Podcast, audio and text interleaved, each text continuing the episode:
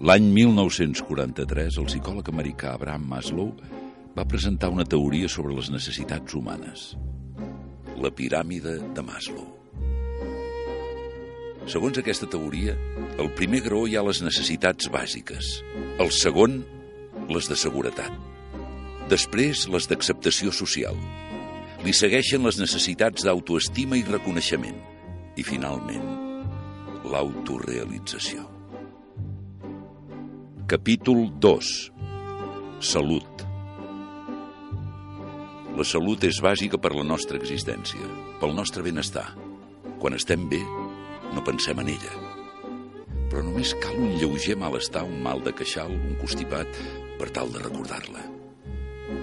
Farmàcies, herbolaris, mútues i medicina alternativa. Tenim un munt d'opcions per preservar la nostra vida.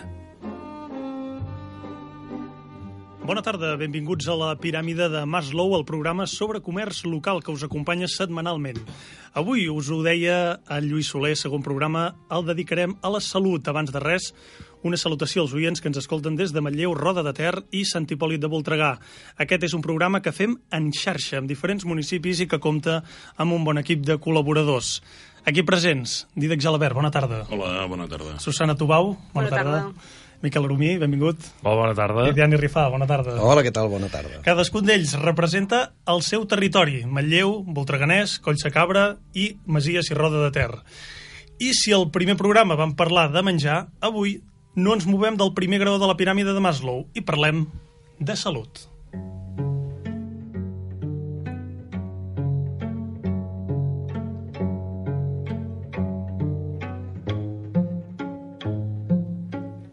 I si parlem de salut, amb què ens hem de fixar? Manlleu. Doncs a Manlleu, i suposo que no és un fenomen exclusiu d'aquí, eh, i fruit d'aquesta, diguem-ne, tendència, tendència creixent eh, per l'interès per la salut o nova consciència, han proliferat nombrosos comerços que ofereixen productes i serveis relacionats amb l'àmbit de la salut. Ja era un fenomen del que parlàvem la setmana passada, relacionat amb l'alimentació, però més enllà del que mengem, aquesta consciència creixent de la que parlàvem ens converteix en clients de dentistes, herbolaris, gimnasos, farmàcies, parafarmàcies, de la piscina, del pàdel, dels fisios i dels especialistes en teràpies tan diverses com l'acupuntura, la reflexologia podal, el ioga, el tai chi, etc. Concretament a Manlleu hi ha més de sis herbolisteries, a la plaça del Vila hi ha d'aquelles de tota la vida, cal encarna, la regalèsia és natural, la de branca, eh? sempre fresca, no d'aquelles punyetes que de vegades semblen bastons anar a caminar. Eh, sí, que és, eh, són una mica més... Eh, ah, molts d'aquests comerços, i ja en parlarem quan fem tertúlia, suposo, però molts d'aquests comerços, com dèiem, ofereixen sovint diversitat de productes, no només l'herbolisteria, sinó que a més a més, doncs, homeopatia, flors de bac, eh, i els preparadors físics també són dietistes, o que ofereixen consultes eh, d'altres d'al- d'altres professionals. Eh, suposo que això ha permès que cada vegada més joves emprenedors manlleuencs... I emprenyadors, eh? moltes vegades necessàriament han de ser emprenyadors per poder ser emprenedors. Eh, manlleuencs han apostat per professionalitzar-se i penso, no sé, doncs, en Marc Codina o en David Jiménez, que són dos fisioterapeutes que han sigut també esportistes tota la vida, o en la Núria Callís d'àmbit salut, que està especialitzada en osteopatia i en fisioteràpia fisioteràpia per a dones embarassades. A Manlleu hi ha més de 10 centres de fisioteràpia eh, i en un càlcul una mica estúpid o absurd, si voleu, ens toquen a una cada 2.000 habitants. De farmàcies, en canvi, només n'hi ha 8. Això vol dir que ens toquen a una per cada 2.500 habitants. Ara és veritat que sempre n'hi ha una de guàrdia. El coll sa cabra. Doncs en l'àmbit de la salut a mi m'agradaria destacar que l'Esquirol compta amb una farmàcia que és regentada pel farmacèutic Xavier Vancells i que a més a més de tenir medicaments dels que típicament pots trobar en una farmàcia, també té línies de productes de dietètica, d'homeopatia i de productes naturals. I també em consta que el farmacèutic de l'Esquirol a vegades també prepara fórmules magistrals i que està molt en contacte amb l'herbolari de Tabertet. D'aquí també us parlaré una mica més endavant. No? Llavors, més amunt de l'Esquirol ja no trobem cap més farmàcia, pròpiament dita, però sí que a Rupit i Pruit hi ha una farmaciola que s'obre de manera coordinada amb les visites que el metge fa setmanalment, i la infermera també, i que és abastida per la farmàcia Constensó de les Cases Noves de Masies de Roda. Que això en Dani potser no ho sabia, eh? No, no ho sabia. Llavors, en, en l'àmbit de la medicina dita alternativa, eh, doncs a l'Esquirol hi ha un, un local de teràpies on fan fisioteràpia i també altres tècniques posturals i també un centre terapèutic de fisioteràpia que a més a més també a part de la fisioteràpia hi toquen medicina xinesa i, I a Rupit també hi ha una visita setmanal d'una fisioterapeuta i osteòpata que, que, de, que té consulta a Vic, però, però que com que té arrels a Rupit, és la, la Gemma d'Orca, doncs eh, un cop es va establir en aquesta professió, doncs eh, porta els serveis cap a, cap a territoris on, on no, no hi ha molta oferta. I a Tabertet, com ja us ho he anunciat abans, hi ha un herbolari, en, en Santi Jàvega, que el 2014 va publicar un llibre sobre flora medicinal d'Osona, i els seus usos, els, els seus usos etnobotànics i, i va tenir tant èxit aquest llibre que es va haver de reeditar. I pel que fa a altres serveis sociosanitaris, que no són estrictament farmàcies, doncs a, a l'Esquirol i a Tabertet també hi han serveis de podologia i a Cantoni eh, hi ha una residència de la gent gran que abans eh, havia sigut un hotel.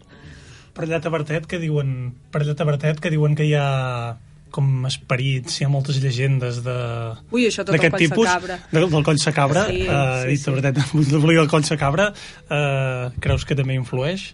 Home, no ho sé, a veure, eh, una, un, un lloc tipus l'Hospital del Tòrax, com, a, com hi ha cap allà a Terrassa, no hi és, eh? Això no, eh? Vull dir, ara, per aquells cingles, doncs, eh, algunes històries corren, clar, has de pensar que és un terreny agresta, on han passat coses, fa molt vent, a vegades pots sentir alguna veu, però vaja, no, no em consta, eh? No, no me'n consta cap que et pugui explicar. Sant Hipòlit i Masies de Voltregà. Uh, molt bé, doncs a, a Sant Hipòlit i les Masies, tot i ser petitets, uh, tenim de farmàcies, tenim tres farmàcies, la farmàcia Portús, la farmàcia Font Oms i la farmàcia Miravent, que els he anat a entrevistar amb aquests últims. I tots segue, segueixen la línia aquesta, tenen els seus productes, productes farmacèutics i uh, medicaments, i a més a més tenen estètica, homeopatia, pots pesar, et fan anàlisis d'aquests amb una màquina, treuen el colesterol, tot, el, tot, tot això. Llavors tenim eh, de, el tema massatgistes, quiromassatge, Jordi Llimós, i tenim l'altre que, he anat a, que he anat a entrevistar, que és molt famós, Martí Toneu, que és eh, ben bé quiropràctic, o aquest que trenca l'esquena, que... És un cabron. Que t'a- que t'arregla, que t'arregla. que t'arregla. De tota la vida. Entres allà que, i, i, i, i, i he anat i, i està comprovat. Entres amb tortícolis al coll o amb un lumbago i surts caminant però tranquil·lament i això allà al poble i a més a més diuen que no es volen moure que tenen ofertes i això. I ve gent de Vic, de tot Osona, de Barcelona, ve gent de quasi bé de tot Catalunya. Mm, vull dir que és per, per fer-nos l'idea de, que, de que no és un matasanos. Llavors també tenim eh, que a l'introducció ho deia eh, a l'introducció ho deia eh, dues clíniques dentals Odoimplant Voltregà i eh, clínica dental doctor Santi Tort i Verdaguer és important perquè a les dents mm, no ens n'adonem fins que ens fan mal per tant tenim dues Uh, I també tenim centres de massatge, centre uh, Estima't, centre mèdico-estètica, uh, i ja està. I uh, arboristeries, Espai Natural i Sàtiva. Masies i Roda de Ter. Molt bé, nosaltres també de les farmàcies en, en tenim menys que Sant Hipòlit, tenim dues. I la de Masies, que deia ella també. La farmàcia Carolina Baret i la Torrent Car Cardalús. Llavors hi ha arbolari i arboristeria, que jo entenc que és el mateix, però hi ha l'Encarna, que té 40 anys de- d'experiència a Roda, i l'Espiral. Llavors tenim dues clíniques dentals també, i uns quants centres de, de teràpies. De, hi ha la, una podòloga, la Marta Balmes, un centre de teràpies naturals, un de fisio, dos centres de fisioteràpia, la Inés Cristina Orenya, que es fa Medicina General, i, i Resalt Psicologia, que és d'un psicòleg. I llavors hi ha un centre que és, que és, és l'Impuls, que és un centre de tapping, que aquest, bueno, m'agradaria explicar perquè ningú deu saber el que és, no?, el tapping. Ara mateix... El tapping és una, una tècnica que és eh, eh, fent uns copets en els, en els punts de, on hi ha les terminacions de l'acupuntura. És un centre que, o sigui, no, no té res en contra de la medicina convencional, però és una ajuda a la, al, per exemple, per les fòbies, aquestes coses, és un tractament... Van a buscar una mica l'arrel del problema. Fan cursos també, que això ja en tot cas en parlaríem el dia de, del no sé quina part de la piràmide s'escau, els cursos serien ja el creixement Sí, personal, sí, no? creixement personal. I fan teràpies, fan tapping, fan reiki, això. I el tapping és aquest, això, de, de, segons el que tens... Que, que hi ha coses físiques, però també hi ha coses mentals, i van picant els punts que són com punts d'acupuntura i t'ajuden a, a desbloquejar fòbies i, i aquestes coses. I aquest és en Jesús Oyo, que porta un any. També jo dic, parlaré de l'Encarna, que té 40 anys d'experiència, i en Jesús, que fa un any. Que, que va començar, molt bé. Home. Molt bé, i això és el que tenim a roda.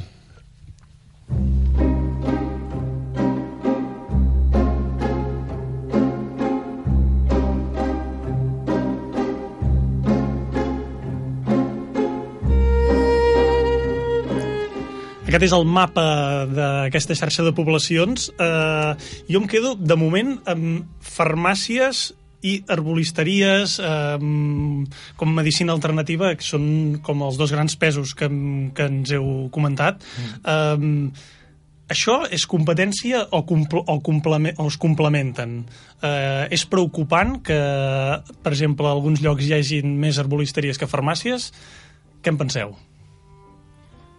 Bueno, som fisioterapeutes, que farmàcies a Manlleu, eh? Ah, que n'hi ha fisioterapeutes. Som Ho he fisioterapeutes. malament, doncs, perdona. Uh, però, bueno, mm, clar, no sé, jo, jo crec que és sintomàtic, no? És sintomàtic de que la gent és això, cada cop es preocupa més per la seva bellesa, eh, en els dos sentits, tant en B alta com en B baixa, però en, en, la, en, en la B baixa inverteix en salut per tal de mantenir, no?, un, entenc, una bellesa més saludable o més digna o més autònoma o més, digueu-ne, com vulgueu. Sembla que hi hagi potser um, una mica de desconfiança, s'ha perdut una, mica- una mica la confiança amb les farmàcies? O no? No, no, no, no. Jo, jo crec que es complementen els dos negocis i que el que ha fet molta gent és redescobrir les arboristeries, per exemple.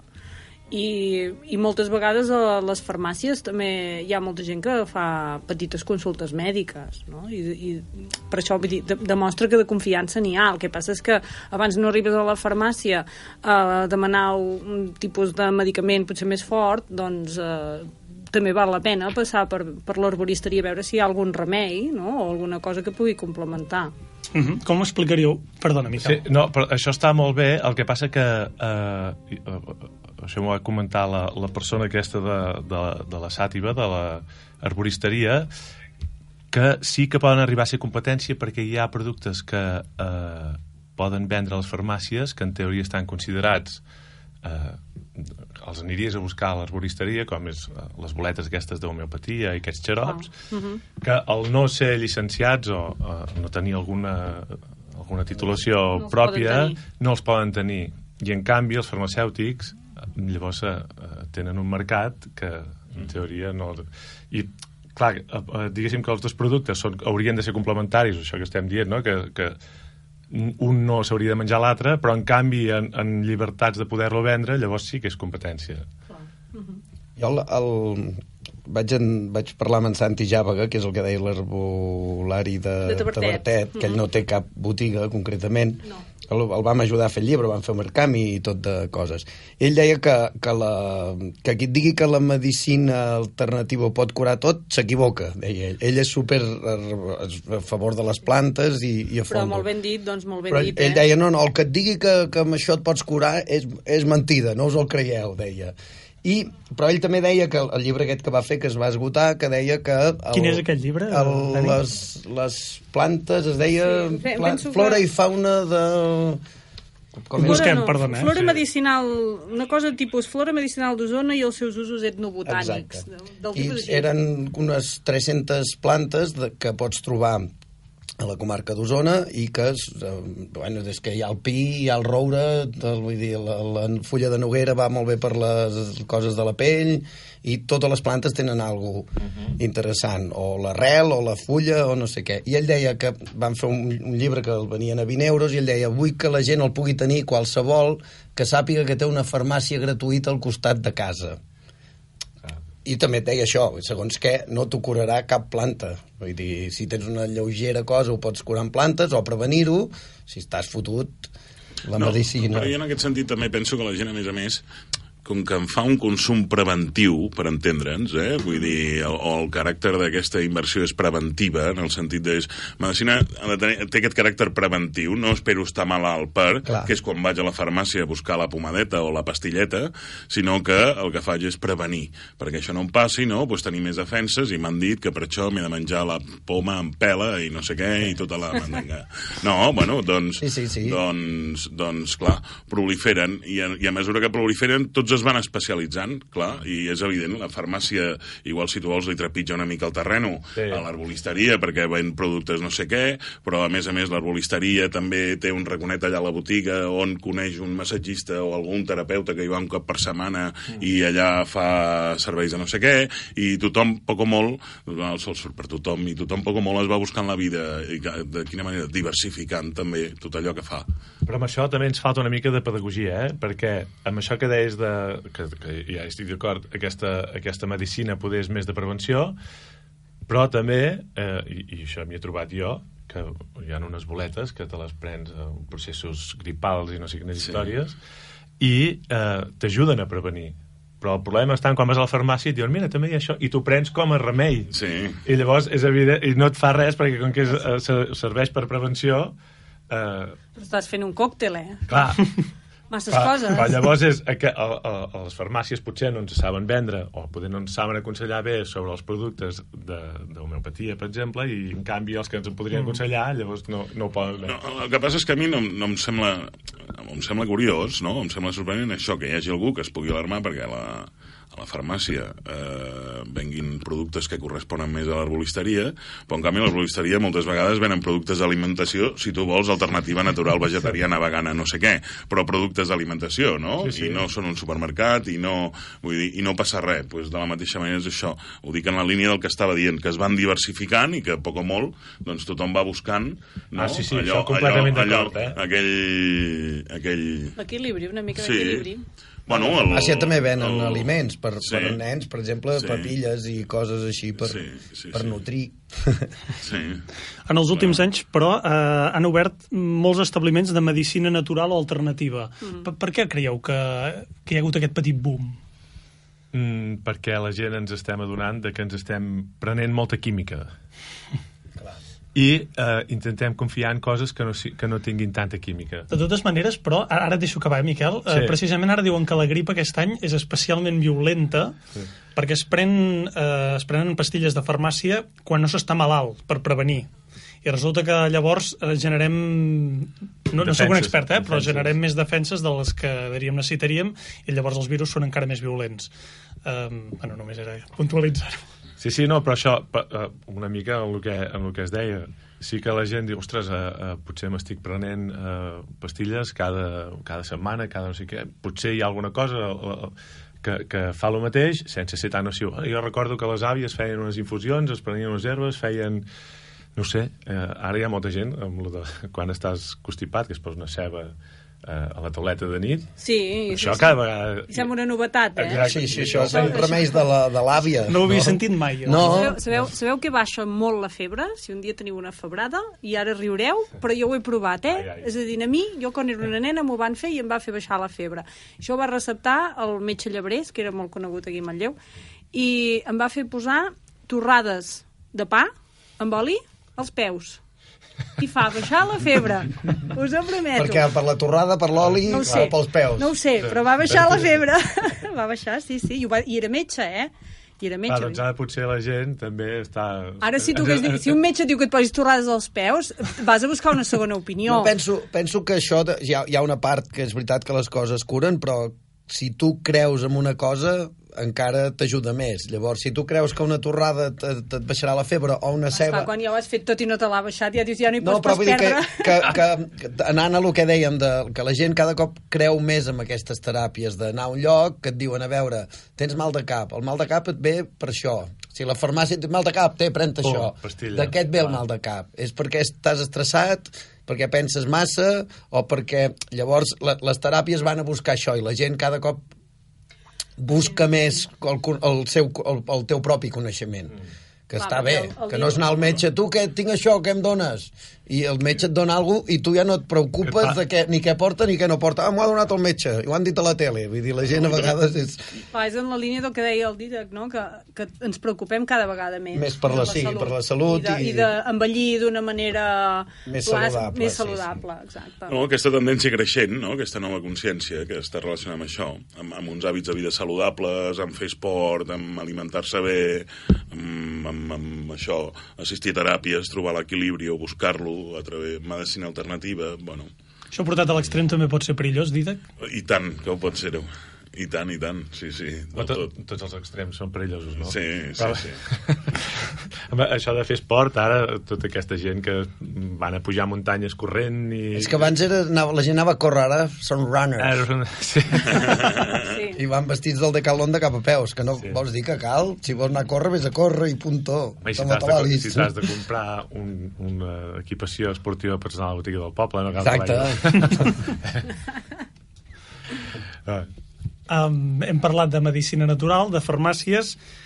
No sé si existeixen els curanderos a la comarca d'Osona. Com- haver. El, el, nom, el nom se li ha canviat. Ah, sí? El curan... Home, el, el curandero de Sant Julià ja, o sigui, de la plana hi havia el curandero de Sant Julià i un del carrer Nou a Vic que eren el, vaig al curandero i tothom passava per allà que estic espatllat això de estic espatllat ho havia sentit Sí. mai Ara, ara passa, ara passa Això per dic, Sant Hipòlit. curandero, curandero i espatllat ja no es fa servir Espatllat encara sí. Sí, però ho fa Sí. servir la gent gran, això, espatllat. Ara ja dius, tinc una contractura a tal lloc. Bueno, I el ferit? És la manera fina. El ferit. El ferit, eh? No, no el que està espatllat, ferit. sinó que el està ferit. Està Aquest està ferit. fotut, eh? El que Però està això vol dir ferit. que has tingut El ictus, curandero, vull dir Sí, que- sí, sí, sí, sí, no, però sí que vols dir que i encara hi ha gent que ho diu, lo de estar ferit. I, està ferit. Pensa, jo, I un mal lleig.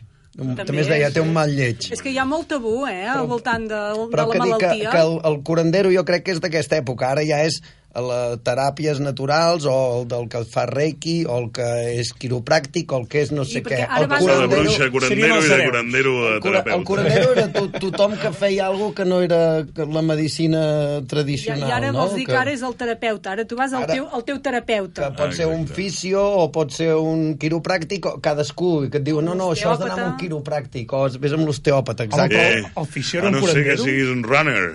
Que llavors tens un coaching. Un Ni coaching, terapeuta, exacte. Llavors tens un coaching. Un coaching. Però, Dani, el, el fisio era un curandero, també? No, dic, no, no, jo et dic que Ah. ara s'ha especialitzat el nom val, de val. cada D'acord. persona. Bueno, el curandero... El curandero és el que anaves allà i deies I que no ah, em fa metge." mal, em fa mal aquí. I el tio et posava un, un tros de pedaç o agafava aigua del Carme o el que fos i et, i et curava. I la voluntat. I la voluntat, exacte. A més a més, no, no, no solien no cobrar un preu fixe. Però perquè també el, el curandero també ho associes a això que dius, a una mica de potatge, uns ungüents, eh, o, sí. o Unes a l'esquena, espelmes, o uns sants allà darrere... tocava A una mica això. tots els pals, tocava tots els pals. En canvi, vas a trencar-te l'esquena, bueno, a trencar-te l'esquena, a posar-te bé l'esquena, pum, vas a, a t'has fet un cop, saps? Podria estar més, això que dius, més Més especialitzat. especialitzat, clar. Podria haver canviat cap aquí al, al curanderisme. És que el curanderisme sembla això de, de la, la, la, veus la iaia cubana amb el puro Exacte. tirant el fum a la ferida, eh? no? La santeria, exacte. Farmàcia, herboristeria, quiropràctics...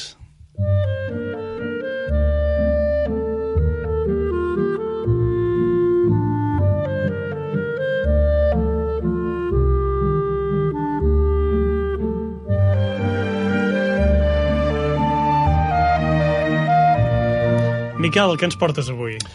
Uh, doncs entrevistes, entrevistes no amb el vampiro, sinó amb, els... Menys mal. entrevistes amb els comerços, no?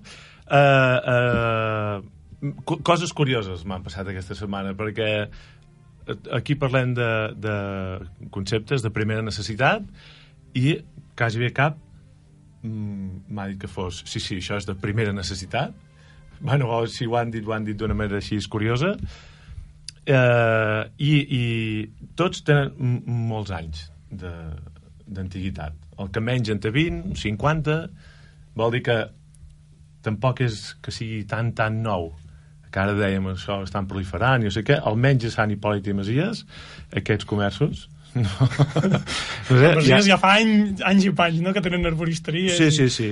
Ara... És que, de fet, és el que dèiem, no?, que porten una tradició ja al darrere, no? Sí. També és veritat que aquestes, uh, aquests espais no, no veuen el relleu. Ara ho escoltarem. El primer, el, el tall número 1, si cas, uh, ja veureu, uh, és curiós, eh? Les preguntes són les mateixes, més o menys, que de sempre, i a veure què respon. Posem el tall número 1 i el comentem. Quin servei oferiu? Bueno, doncs aquí oferim el servei de reflexologia podal eh, i consulta de naturopatia. Si et digués que a la selva el teu comerç seria com l'herba i els arbres, què opines? Uh... Espera't. Bueno, crec que sí, per què no? Sí, sí. Creus que el producte, que el servei que ofereixes és de primera necessitat? Bueno, eh, depèn de com es miri, no? Depèn de la necessitat de les persones. Mm, ben bé, home, si, si la persona té un punt de desequilibri, eh, un punt d'estrès, penso que sí, que, és, que, és, que, que ofereixes un bon, un bon servei, no? Si haguessis d'atacar, quin creus que seria el motiu? Que la gent ha deixat de consumir aquest producte, aquest servei, o que l'ha anat a buscar en un altre, en un altre tipus d'establiment eh, local comercial? Ostres, pues, pregunta difícil, no? no sabria què dir-te. Miquel, de, de quina botiga es tracta? Uh, espai natural. Uh, fan uh, naturopatia, massatges així, reflexologia podal. Reflexologia Sí, podal. és el mateix una mica que deia això en, en Dani abans, però en comptes de pel cos, doncs les terminacions que hi ha als El, peus. els peus, sí. Tot el, tot el cos el tens al peu. Sí, Això ho diuen, bueno, i a l'orella, i, a, cada, a la cara, no? totes les terminacions es veu que acaben aquí i allà. ja, tenen un principi i un final. Això que, que m'ha fet gràcia que ella no es considera que sigui de primera necessitat, però és una mica el que ha dit en la veu d'en Lluís Soler al principi, Sí. paraula, paraula de Lluís Soler, Sí, sí, que no, és- diu que la salut te'n dones compte quan estàs fotut. L'alimentació no, l'alimentació cada dia menges cada tres dia. cops i a la que tens una mica de gana vas a menjar. La salut dius, bueno, si demà encara em fa mal aniré al metge. És, Sí, però- no, no, sembla que no és de primera necessitat, fins que estàs tirat al llit i llavors dius, hòstia, Però en canvi combina, perquè després quan va, vam acabar les preguntes eh, conversem una mica i deia una mica el que dèiem abans, que la gent, o sigui, la clientela li ha anat augmentant en aquesta senyora. Per què? Doncs perquè si et trobes bé avui, si estàs eh, tranquil, equilibrat, el que sigui, eh, doncs vas mantenint. La gent veu que el dia que estàs una mica amb el peu torçat o el que sigui, eh, bueno, no amb el peu torçat, sí, sí. Bueno, que Una metàfora, no? Que, que, que, eh, doncs, que, que potser doncs, aquells dies tens mals de cap, estàs de mal humor, doncs malament, i doncs tot i aquesta porta mig any eh, que, que, que ha obert, la porta mig any, però en canvi té clients ja eh, contínuament. Ja havia obert altres vegades i aquestes coses i, i doncs això, no? que cada vegada la gent va veient que és una bona manera de anar prevenint sense haver de prendre gaires coses i doncs el dia a dia està, està molt bé. Però em feia gràcia perquè el, el, el ser de primera necessitat li dius això i, i, i queda com... depèn de les necessitats de cadascú. no? Clar, sí. Molt, molt diplomàtica, ha contestat d'una manera molt diplomàtica. Eh? Sí. En canvi, el, el, el que és l'oposat, eh, el, després vaig anar a una farmàcia, eh, del mig del poble també, aquesta fa 50 anys que funciona, i l'escoltem i... És el tall número 2, l'escoltem i ja veureu a veure què diu. Quin producte o servei oferiu? Molts, oferim molts productes, tot productes farmacèutics i productes de dietètica, d'arboristeria, d'homeopatia, um, també fem fórmules, això també és un servei, no? fer les fórmules, però són productes. Què em diries si et digués que el teu comerç a la selva representaria l'herba i els arbres? Home, m'encantaria. De quina necessitat creus que és el teu producte? Les medicines, primera necessitat. Llavors, tot el que- tot l'altre doncs, són productes que ens poder necessitats que ens creem nosaltres, no? Però, per exemple, un sabó, mm, bueno, si ens volem rentar, ens rentem, si no, no. Per què creus que hauria de tancar? Les medicines faran sempre falta.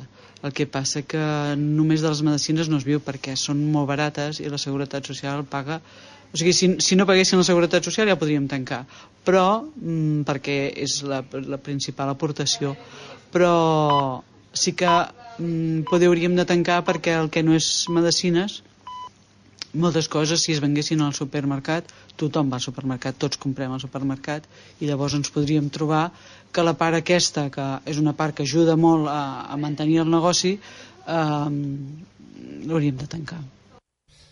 Escolta, la pregunta aquesta de, del bosc ha triomfat, eh? Sí, sí, sí. és molt bona. És, és, uh, espero que passin aquestes coses, que, que em sorprenguin, perquè, clar, tu fas la, la pregunta amb una intenció i en canvi, que els arbres... M'encantaria, aquesta senyora es devia imaginar, doncs, saps? representant els arbres i les plantes, i, i, uh, però en, uh, en el sentit de, de bellesa, de, no? De... Soc la farmacèutica. Sí, que, no sé. Bon dia. Potser no, eh? Però, saps, en, l'aspecte estètic. I llavors això, clar, és curiós, perquè... Eh, bueno, curiós i que, i que diu, eh? eh, eh no, no veu havent de tancar perquè s'acabi el negoci, perquè les, la, els productes farmacèutics no desapareixeran, però en canvi veu la competència en els supermercats perquè tot el que és parafarmàcia, arboristeria, tot això sí que hi és, i si en algun moment algun mercat com el dels Estats Units i altres més liberals eh, alliberen eh, tot això que són aspirines i tot això, la gent s'ho podrà comprar al, al supermercat lliurement. Saps? Que és curiós que dius un negoci que sembla que sigui tan segur com aquest i també perilla pel, pel, per, per aquesta banda de les, de les grans superfícies. Una reflexió que sovint no ens fem, segurament, no? No. no, no, no ho veiem a venir. No, jo li deia, bueno, eh, no li vaig preguntar en aquest cas, però sí que, eh, bueno, però no veus perillar això, no? I, i en canvi és l'única que va dir sí, sí, sí que ho veig perillar perquè com canvia la legislació o el govern no paguin les medicines, ja va passar fa, no sé quant temps fa passar enrere que va haver un problema que no pagaven les medicines, clar, els farmacèutics feien de banc de crèdit, per exemple. Sí. Compraven i havien d'esperar això perquè l'administració no pagava les medicines. Clar, això, el dia que no passi, hi haurà molta gent que si té un mal de cap doncs es prendrà una dutxa d'aigua freda perquè potser comprar aspirines serà massa car. El que passa és que ho heu provat, de comprar medicaments en supermercats? És a dir, si heu, si heu estat fora, per exemple, si a Anglaterra passa això, als mm. Estats Units passa mm. això, no es compren amb la mateixa confiança, eh, les aspirines en una farmàcia que en un supermercat? Oh, clar. clar, llavors te salten tots els dubtes del consumidor que està davant d'una quantitat de productes que però no perquè, acaba d'entendre. Però perquè... perquè hi ha una persona que t'ho explica, no? No, és un farmacèutic, és una dependenta. Clar. Clar, llavors... En el, la, en el supermercat. Sí, exacte. una dependenta. Sí, sí, és una, tu parles... Que tu agafaves tu de l'estanteria com, com el dia super. que tu demanes, escolta, aquest sabó eh, té això, té l'altre, i diuen, no ho sé, doncs et pots Clar. trobar igual. En canvi, un farmacèutic et sap explicar què porta, quin principi és, perquè t'ho poden haver receptat. Clar, dona una sensació d'estar comprant salut que, que l'altre no dona. Eh? Molt bé, després eh, vaig anar al, al, al, el, el, el Martí Toneu, eh, el, el curandero que no fa ungüents, però que és famós a tota la contrada. Eh, que és... Les patagades a la sirena. Que... Aquest, aquest hi ha anat i és, és increïble. O sigui, jo no en conec d'altre que ho faci eh, com aquest. Fa una mica de cosa, perquè, bueno, sents els ossos, però, en canvi, vaig entrar un dia allà corbat perquè tenia un, que es diu lumbaga, lumbago, no, lumbàlgia, i vaig sortir caminant dret, però sense cap problema, eh? Aquest em va fer una resposta paradigmàtica. Saps allò que quan preguntes això és, a, és el tall número 3, l'escoltarem i després el comentem. Quin servei veneu? Uh, el benestar de les persones, tant físic com psicològicament. Què em diries si et digués que a la selva el teu servei seria, seria considerat com l'herba o els arbres? Mm, què diria? Home, que és, és una cosa bàsica per viure, i sí, penso que sí, que està bé. Aquest servei que oferiu, quina de quina necessitat diries que és? Molt bàsica, molt essencial? Essencial, pots... està bé, l'estar bé física i emocionalment és essencial per poder viure en plenitud eh, a la feina, eh, amb els hobbies, amb tot. Si no tens això, no pots disfrutar de gaire res a la vida. Igual que les herbes i els arbres, si no tens això, no hi ha res. Quants anys fa que teniu obert? Uh, uns 20. I en aquest temps eh, la clientela ha pujat, ha baixat, ha canviat. Ha pujat moltíssim. Creus eh, que si haguessis de tancar seria perquè eh, la gent no consumeix aquest servei o perquè el va fer en una altra banda? No, bueno, espero que no es doni el cas de res d'això. La gent quan eh, es desplacen, quan una cosa els hi agrada i els hi convé es desplacen allà on siguin, vull dir, el que els interessa ja ve aquí. eh, O sigui, no, no, no crec que això vagi a menys i, i que portem el servei a un altre lloc, encara menys. Han crescut, eh, diuen? Moltíssim. Per què? Precisament per això que deien dit que abans, perquè estem tenint la consciència de que si estem bé, les coses ens aniran bé. I eh, doncs el mateix de la reflexologia, o si tenim el cos que no ens fa mal l'esquena, descansem més bé, si no ens fa mal l'esquena estem més contents, estem... Bueno, totes tota aquestes, aquestes històries. I finalment vaig anar a l'arboristeria. Eh? A veure, allà on comprem eh, tot plegat. Eh, és el tall número 4 i aquest també és una mica curiós. Quin producte ven? de herbes, productes naturals, tot natural. Què em diria si li digués que a la selva el seu producte seria com l'herba o els arbres? Doncs que sí. Quin grau de necessitat creu que té l'home amb el producte que vostè ven? Es pot substituir, si cal. Quants anys fa que té obert? 20. I en aquest temps eh, la clientela ha augmentat, ha disminuït? O... Ha augmentat i ha variat. I si hagués de tancar, creu que eh, hauria de ser perquè els, eh, la gent compra aquest producte en un altre lloc o perquè no el fa servir? Ni una cosa ni l'altra.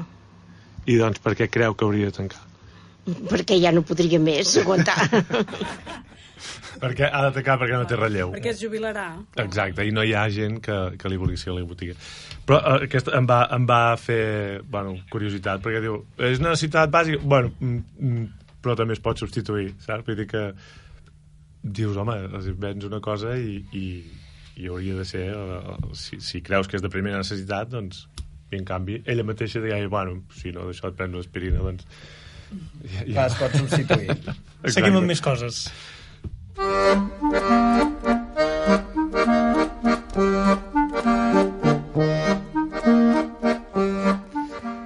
En Miquel ens ha fet una, un bon, una bona aportació, hem parlat amb diversos establiments, però també ens interessen les històries, els fets morbosos. Susana, què ens portes? Ui, avui, avui he fet una selecció de fets truculents i luctuosos, oi, quins, quins adjectius, eh?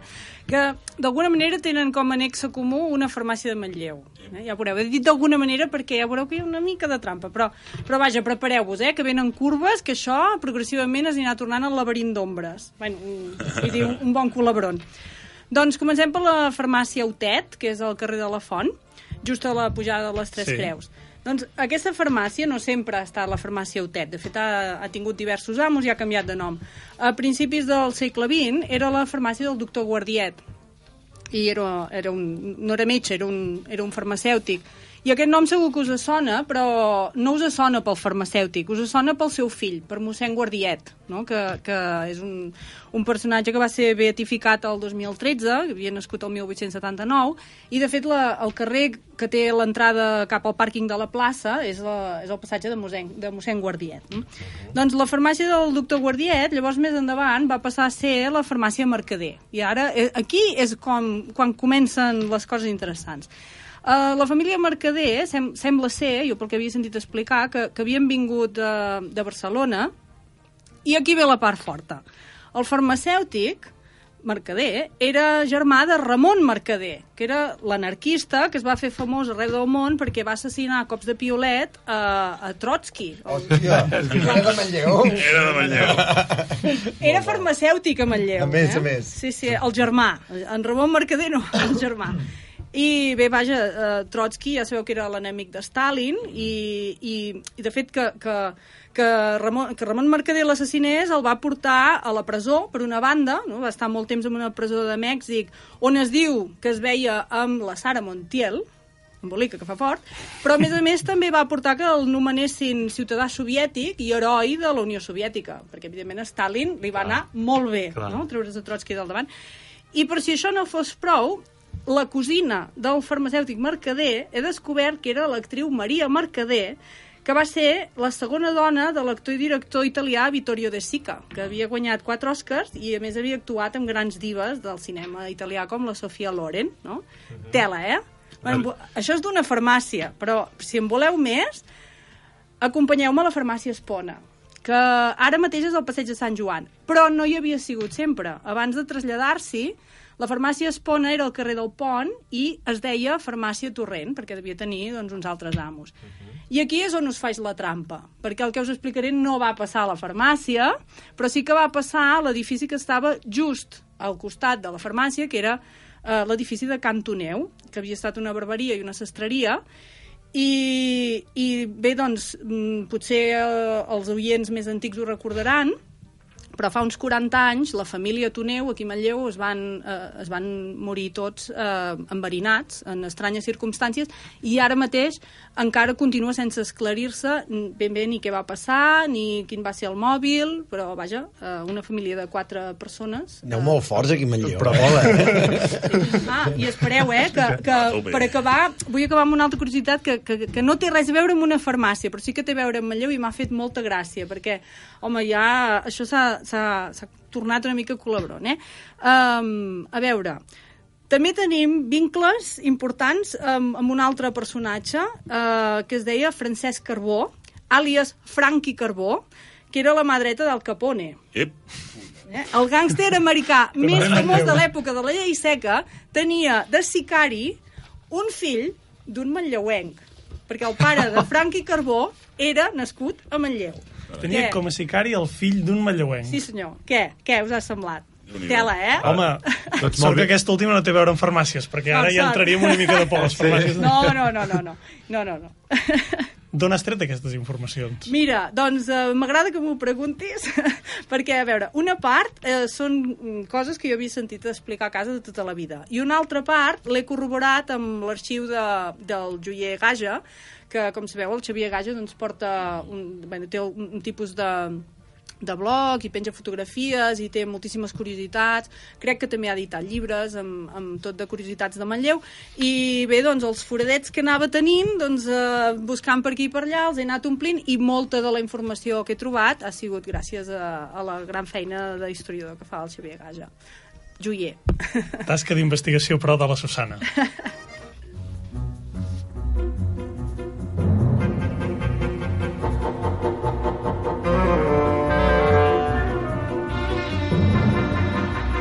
Ara bé, si toca parlar clar, millor que parlem amb en Didac. Didac, què ens portes avui? Doncs mira, jo en referència al que estem parlant avui i posat en el paper de l'auditor només vull dir dues coses. La primera és que d'entrada em sembla meravellosament fantàstic que la gent vulgui envellir dignament i que es cuidin amb aquesta esperança de gaudir d'una bellesa de qualitat, que els permeti doncs, poder estar amb els fills i els nets molts i molts anys i, i és meravellós. És més, em sembla fins i tot un acte d'absoluta generositat preocupar-se per no haver de suposar en un futur no, una càrrega per ningú i per poder-se valer per un mateix fins al final de la pròpia vida i, i, i em sembla fantàstic. Vagi això per endavant.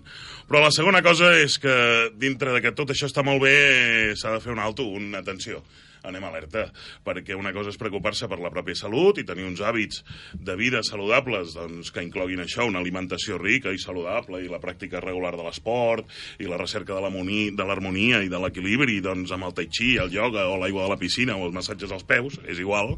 I una altra cosa ben diferent és que la recerca, a, a darrere de la recerca d'aquesta vida saludable en malaltim i és que no em refereixo només a casos extrems com els dels trastorns alimentaris, sinó que em refereixo a que és que cada vegada hi ha més gent que més que preocupada sembla obsessionada per la seva salut, saps? D'una manera que no és normal, fins al punt de fer-ne una massa, no? Vull dir, escolta'm, carallot, que si un dia et saltes la dieta, doncs no passa res, no? I si has pujat fins a Cabrera amb la bici per les escales de trial, eh? Fent lot pi, en plan lot pi, i et planten a davant, doncs, un plat d'arròs a la, casa, a la cassola cola amb quatre trossos de costella i una botifarra amb patates rosses i mongetes seques, no cal que t'ho deixis tot i t'afartis d'amanida. Trosasa, vull dir, hòstia, deixa't anar, disfruta el moment. A viure, també. Veu del porró, jo què sé, no? Però quina amargura, aquesta angoixa, no?, d'existència, si no? Perquè, i és que a més a més ja em perdonareu, perquè pujar Cabrera fent lot pi, igual que fer curses de muntanya de 90 quilòmetres amb 5.000 metres de desnivell acumulat, o escolar muntanyes altíssimes, plenes de glaç i de gel, on només hi fa un fred que pela i un vent horrible, o travesses pel desert, eh, que acabes torrat i amb el peu fet una gran butllofa a tot ell, això eh, permetreu que us ho digui, això no és saludable. Això, això no és normal. Això es passarà factura. Sí, home, sí. Això us deixarà fer pols. Vull dir, aquí hi ha molta penya, aquí tothom es creu que és Kilian Jornet. Sí, ha fet molt mal. Fem molt mal. Ha fet molt mal. I, I això no és així. Vull dir, I llavors la gent eh, no està preparada i no hi ha cap control, a més a més, o, o pràcticament cap, i la gent es fot a fer unes curses i unes històries que cada vegada hi ha més gent, que aquest una hipotèrmia aquí, l'altre ha quedat clavat allà, l'altre perquè, perquè, perquè la gent no està preparada i ningú controla i, i tothom es creu Kilian Jornet i això no és normal. D'aquí que 11 i 20 anys hi haurà una legió de gent que s'ha deixat els genolls o els malucs o l'esquena o l'espatlla o qualsevol cosa d'aquestes perquè ho han portat a un límit que no és normal, que va molt més enllà del que és saludable, precisament preocupats per la salut. De veritat, hi ha cada vegada més gent que els caps de setmana els dedica fonamentalment a castigar-se, eh? fent alguna activitat esportiva, i que a més a més entre setmana dedica gran part de les poques hores lliures que té per entrenar i preparar-se per aquest càstig eh? que li espera pel cap de setmana. Però això no és el més curiós del cas dels castigadors de cap de setmana. El que em té realment meravellat de tot plegat és que aquests que arribava a la trentena es dediquen a castigar-se amb les curses al cap de setmana són aquells que fa 10 o 15 anys ja es castigaven cada cap de setmana. Però- però Però ho feien a les discoteques, a les sales de concerts, als after hours, sí, i els diumenges a les 8 del matí donant pel cul allà que em menjo. També, també ho feien, no? I, i encara ho fan. Ei, perquè aquí hi ha plaers que són irrenunciables, pel que sembla. I molt de tant en tant es marquen una festa loca, com les d'abans, i no s'estan de res. Ara, això sí, el següent cap de setmana, pujant en bici cabrera, fent lot pi, a menjar-se una amanida verda, insípida, trista, culpable, però molt i molt i molt saludable.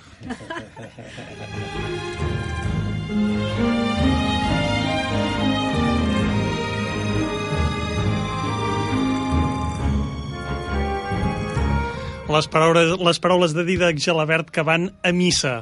En Dani, cada programa eh, recull els temes que han sortit eh, al llarg de, de, de la conversa i elabora una composició musical.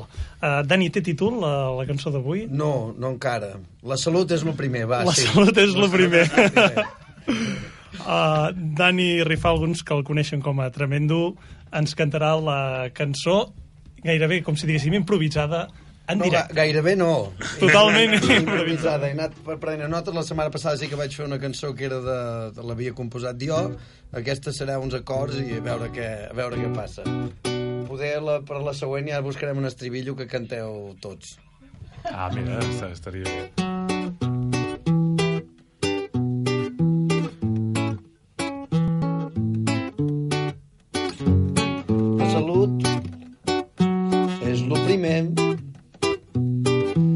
Diuen, això diuen, això diuen. Estaràs molt més millor, molt bé la salut. És lo primer. Avui a la piràmide de Maslow ho toquem molt bé. Hem parlat de farmàcies, herbolaris, teràpies naturals i coses que t'agraden. Abans la gent corria i anava al curandero. Ara la gent fa runner i tenen coachings. Es confonen molt, l'anglès ha fet molt mal. Millor dedica't al comerç local. Mm, mm, mm. En Miquel sempre els hi fa la mateixa pregunta. Diu, sabeu que seríeu l'herba? I res- responen com si se l'haguessin fumat.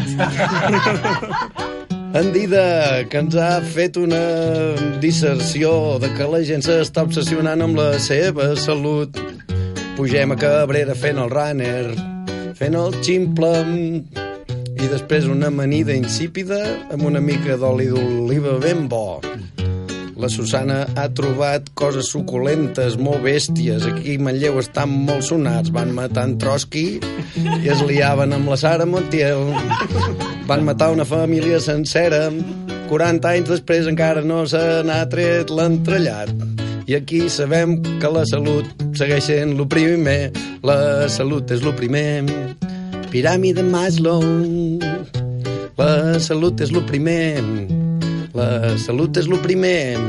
I tot i que el primer programa que vam fer parlava d'alimentació, l'Enric no va venir perquè estava malalt i ha tornat el dia que parlem de la salut. Bravo. Escolta, Dani, no sé si t'has pensat de fer un, un disc amb, amb les cançons de la piràmide de Maslow. Bueno, no sé, de moment en tenim dues, no?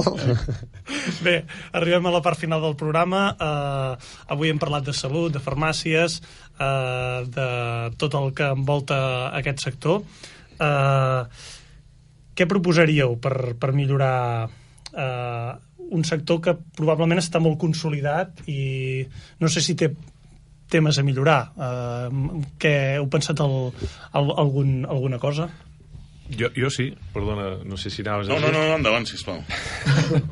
Però eh, el que he dit abans, de la pedagogia ens faria molta falta. Saber quan necessitem medicaments, quan, quins medicaments, saber quan necessitem els productes eh, d'herboristeria, homeopaties, perquè si no no sabem quan ens hem de prendre els antibiòtics, ens en perdem més, menys, eh, pastilles o boletes, jo les veig totes iguales, eh, realment fan efecte, no en fan, i això eh, no sé quin, qui ens ho ensenya si vas a la farmàcia no sé si són molt partidistes o molt parcials.